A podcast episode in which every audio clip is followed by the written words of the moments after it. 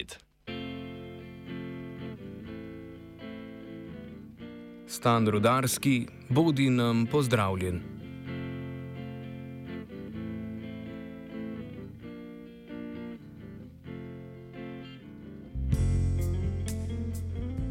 V Velenju se je danes dopoledne odvila tiskovna konferenca o nacionalni strategiji za izstop iz premoga in prestrukturiranje premogovnih regij v skladu z načeli pravičnega prehoda.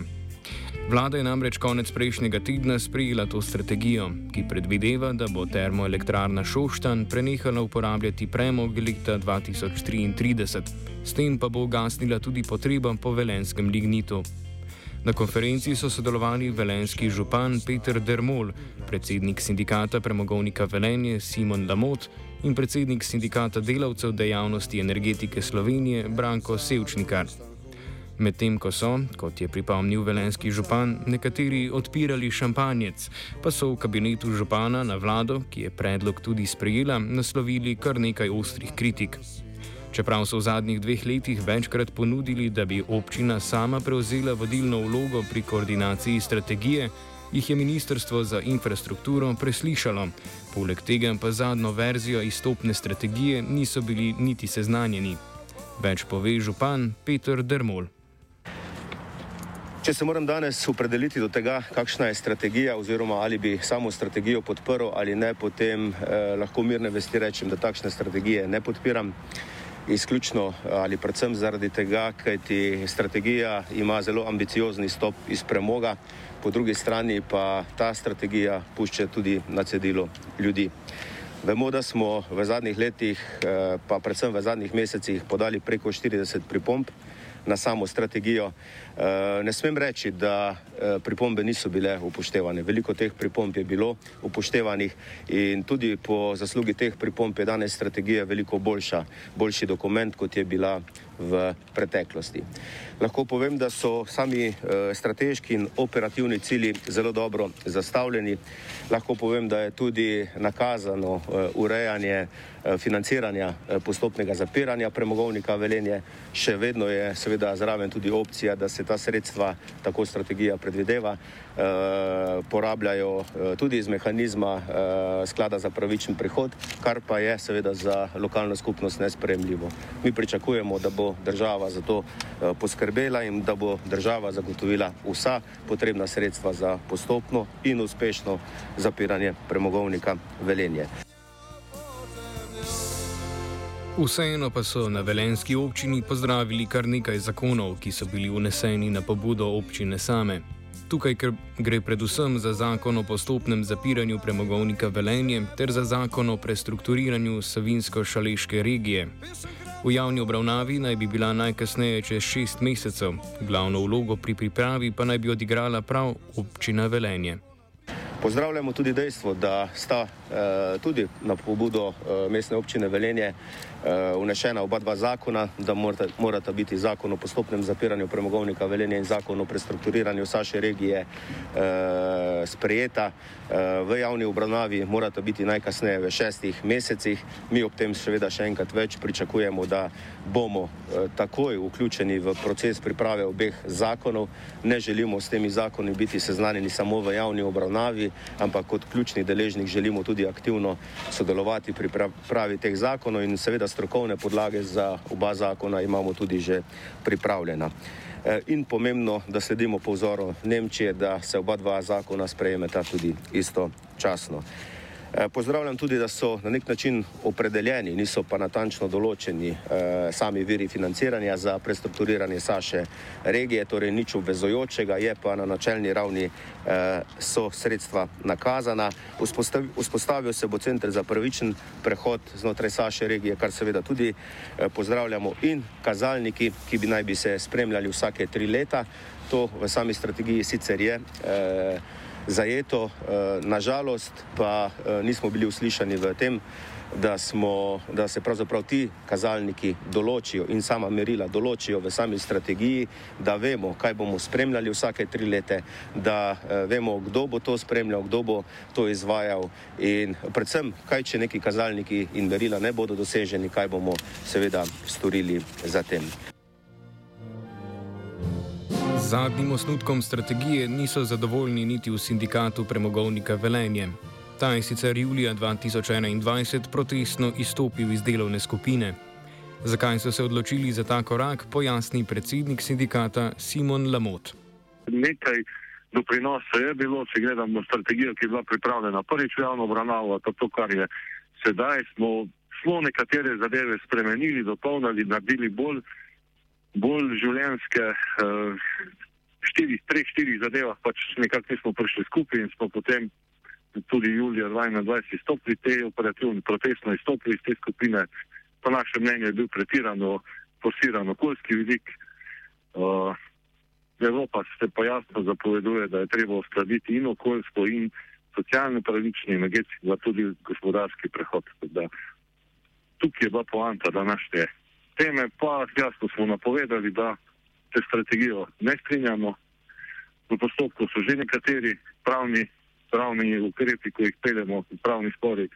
V nadaljevanju bomo pa tudi pogledali, če bodo potrebne sindikalne aktivnosti. Po oceni župana Dermola so največja težava delovna mesta. Strategija naj bi do leta 2050 predvidevala 5000 delovnih mest, kar pa je po županovem mnenju premalo. Nova delovna mesta Šaleška dolina potrebuje čim prej, sicer pa najkasneje do zaprtja premogovnika leta 2033. Tisto, kar je pa eh, z naše strani tudi najbolj problematizirano, Um, pa vemo, da smo o teh stvarih že veliko govorili v preteklih tednih in mesecih, ob različnih dogodkih, so pa delovna mesta. Strategija sicer zajema oziroma določa 5000 delovnih mest, ampak do leta 2050. To je za nas nespremljivo. Mi potrebujemo delovna mesta danes oziroma najkasneje do leta izstopa iz premoga čez 20-30 let nam dodatnih 3000 delovnih mest kaj dosti ne pomeni pri samem prestrukturiranju. Zato sem na tem področju, eh, lahko rečem, tudi eh, najbolj užaloščen, da ni bila naša pobuda eh, sprejeta. Konec koncev o tem smo govorili tudi z ministrom eh, Vrtovcem, ko je, ko je bila vlada na obisku tukaj v naši regiji in eh, zaradi tega pravim, da na nek način ta strategija pušča tudi ljudi na cedilu. Že v sami strategiji je zapisano, da je po oceni pripravljalca te strategije v letu 2020 bilo eh, približno 20 odstotkov delovnih mest, ki je vezanih neposredno na premogovništvo in na proizvodno električne energije. To seveda pomeni za mestno občino Velenje približno 3000 ali pa več kot 3200 delovnih mest. Če sem preštejemo še posredna delovna mesta, potem veste, zakaj mi zagovarjamo 5000 delovnih mest do leta 2030. Ker država očitno uh, ne želi sprejeti te odgovornosti, se zavedam, da bomo to odgovornost morali uh, prevzeti znotraj lokalne skupnosti, lokalnih skupnosti, skupaj z gospodarstvom in tudi skupaj z poslov, ostalimi poslovnimi subjekti. S tem se strinja Lamot, ki doda, da bo skoraj nemogoče najti nova kakovostna delovna mesta za zaposlene v velenskem premogovniku. Velik problem so tudi zaposleni invalidi, ki bi bili tako primorani v novo prekvalifikacijo. Zelo težko bo po našem mnenju najti nova delovna mesta v, v dolini ali pa nekje v, v regiji, ki bi omogočala vsaj primerljiv življenjski standard. Uh, posebej prečo zgodbo imamo krog z invalidi, zavedati se moramo, da imamo v tem trenutku kot približno 400 invalidov oziroma delovnih invalidov, ki so že v življenju nekako se prekvalificirali, da lahko zdaj počnejo dela in naloge z temi omejitvami telesnimi ali drugimi, ki jih imajo. In potem bo to verjetno potrebno narediti še enkrat. Zaradi vseh teh nejasnosti smo mi toliko zadržani do te same strategije. Lamot prav tako doda, da bi službo lahko izgubilo od 500 do 1000 zaposlenih v premogovniku. Poglejte, po nekih projekcijah, če bi bilo to leto 33, še vedno ustane za zapiralna dela nekje 500 zaposlenih. Za, za sprotno proizvodnjo jih rabimo pa nekje 1500-1600. To pomeni, da se govorimo o številki tisoč, nekaj hratka reši z predčasnim upokojevanjem, nekaj z ostalimi zgodbami, nekaj z umestnim, drugačnim zaposlovanjem. Jaz, jaz se hudičevo bojim, da bo nekje 500 ljudi potrebno prekvalificirati, prezaposliti, uh, neko drugo opcijo najti takrat. 500 ali več. Koliko bi šli proti letnici 38 ali pa 42, več sedaj zaposlenih se naravno upokoji in lažje je ta prehod po našem mnenju. Strategija predvideva zapiranje rudnika po koncu komercialnega izkopavanja. To naj bi trajalo 15 let in bi zahtevalo nove zaposlitve. Usklajevanje med novimi zaposlenimi in zaposlenimi, ki bodo izgubili službe, je po Lamotovem mnenju zelo zapostavljeno. Ja, strategija zdaj po prenehanju izkopavanja tem ekonomičnem oziroma komercialnem predvideva zapiralno delo, nekje 15-letno obdobje. V mestnem času se na dva preloma nabita na število zaposlenih. Bolj problematično je to, da večina ne razume, da mi v teh desetih letih potrebujemo dodatne zaposlene, ne vem, nekje po projekcijah tudi do 50 novih zaposlitev letno. Vsi pa, ko se pogovarjajo z njimi, mislijo, da se bo v teh desetih letih vsako leto 50 ljudi nekam prezaposlilo. Temu ne bo tako in dejansko bomo leta X čez noč po naših projekcijah tam nekje od 800 do 1200 ljudi moralo najti novo rešitev. Nekaj bo pač upokojitev, predčasnih upokojitev, nekaj bo samo zaposlitev, nekaj bo pač prekvalifikacija, ampak eh, na taka ustrezna delovna mesta, ki so tukaj dobro plačana, ne bo enostavna zgodba. Jaz si ne predstavljam, da bi nekdo naredil tovarno na zalogo, pa rekel, zdaj pa pol leta počakal, da premogovnik zapraja, potem pa 200 strojnikov, električarjev pa rodarjev prezaposlil tudi sem. Jaz tukaj rešitve ne vidim, posebej problem bojo invalidi, delovni invalidi, ki imajo res težke omejitve, to pa so posledice nezgod. Uh, mogoče neka rešitev javni sektor, tisti lahko naredijo, da jim delovna mesta na zalogo, se naši ljudje prekvalificirajo, policija, vojska, carina, pazniki. Lamot doda, da sindikat strategije ne more sprejeti, dokler se ne spremeni leto prekinitve delovanja rudnika. Določiti je treba dolgoročne cilje, prav tako pa mora vlada določiti organ, ki bo nadzoroval celotni proces. Ampak te štiri zadeve so pa ostale ključne in tudi pomembne, da v tem trenutku ne moremo sprejeti strategije za to vsebino. No. Letnica kot taka, najkasneje v letu 33, ni merljivih ciljev, ni so definirani mejniki, ni organa, ki bo rekel, ja, zdaj smo pa leta 27 to pa to v resnici dosegli, uh, oziroma kaj se zgodi, če to ne dosežemo, kdo je odgovoren za zgodbo, kakšni so ukrepi, tega ni. Tista manjši problem je, da so navedeni možni viri, ampak dejansko so pač to viri, proračun in vse ostalo. Uh, niso upoštevali tudi to našo zahtevo, da se v, v uvrsti noter med eh, izvedbo modernih tehnologij, ta CCS, CCU, zajem oglika.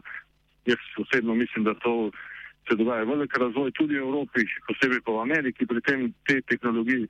Blok 6 je pripravljen za takšno tehnologijo in tudi investicija ni tako velika. To bi pa pomenilo lahko tudi nadaljno obratovanje še po letu 40. Praktično zelo, zelo malimi emisijami. Podobno meni Dermol, ki želi, da bi se organizirala medresorska služba, ki bi koordinirala izvajanje strategije zapiranja. Samo tako bi se lahko končalo slabo medresorsko sodelovanje, ki smo mu priča danes. Tisto, kar danes bode ali pa kar imamo v tem trenutku tudi slabe izkušnje, je pravzaprav stihijsko izvajanje same strategije oziroma procesa prestrukturiranja. Eh, MGRT izvaja ene aktivnosti, SVRK izvaja druge aktivnosti, MZI izvaja tretje aktivnosti, mi pa pogrešamo medsebojsko usklajevanje. Nekoga, ki bo celoten proces ali pa medresorsko usklajeval, ki bo koordiniral, ki bo na nek način uh, ukvarjal se izključno s tem vprašanjem. Jaz razumem, da državni sekretarji, ministri se ob obilici dela uh, seveda težko ukvarjajo izključno z procesom prestrukturiranja, zato seveda je naša pobuda ta, da eh, končno dobimo nekega koordinatorja na medresorski ravni, ki se bo ukvarjal vključno s tem vprašanjem. Premogovnik Velenje je bil gonilna sila razvoja Šaleške doline in je odigral ključno vlogo pri ustanovitvi mesta Velenje. Dela v rudniku potekajo že od druge polovice 19. stoletja, Kakovostna delovna mesta pa je zagotavljal številnim prebivalcem doline. Čeprav so mu šteti dnevi, ne smemo pozabiti velike vloge, ki jo je odigral, niti delavcev, ki lahko ostanejo brez varne prihodnosti.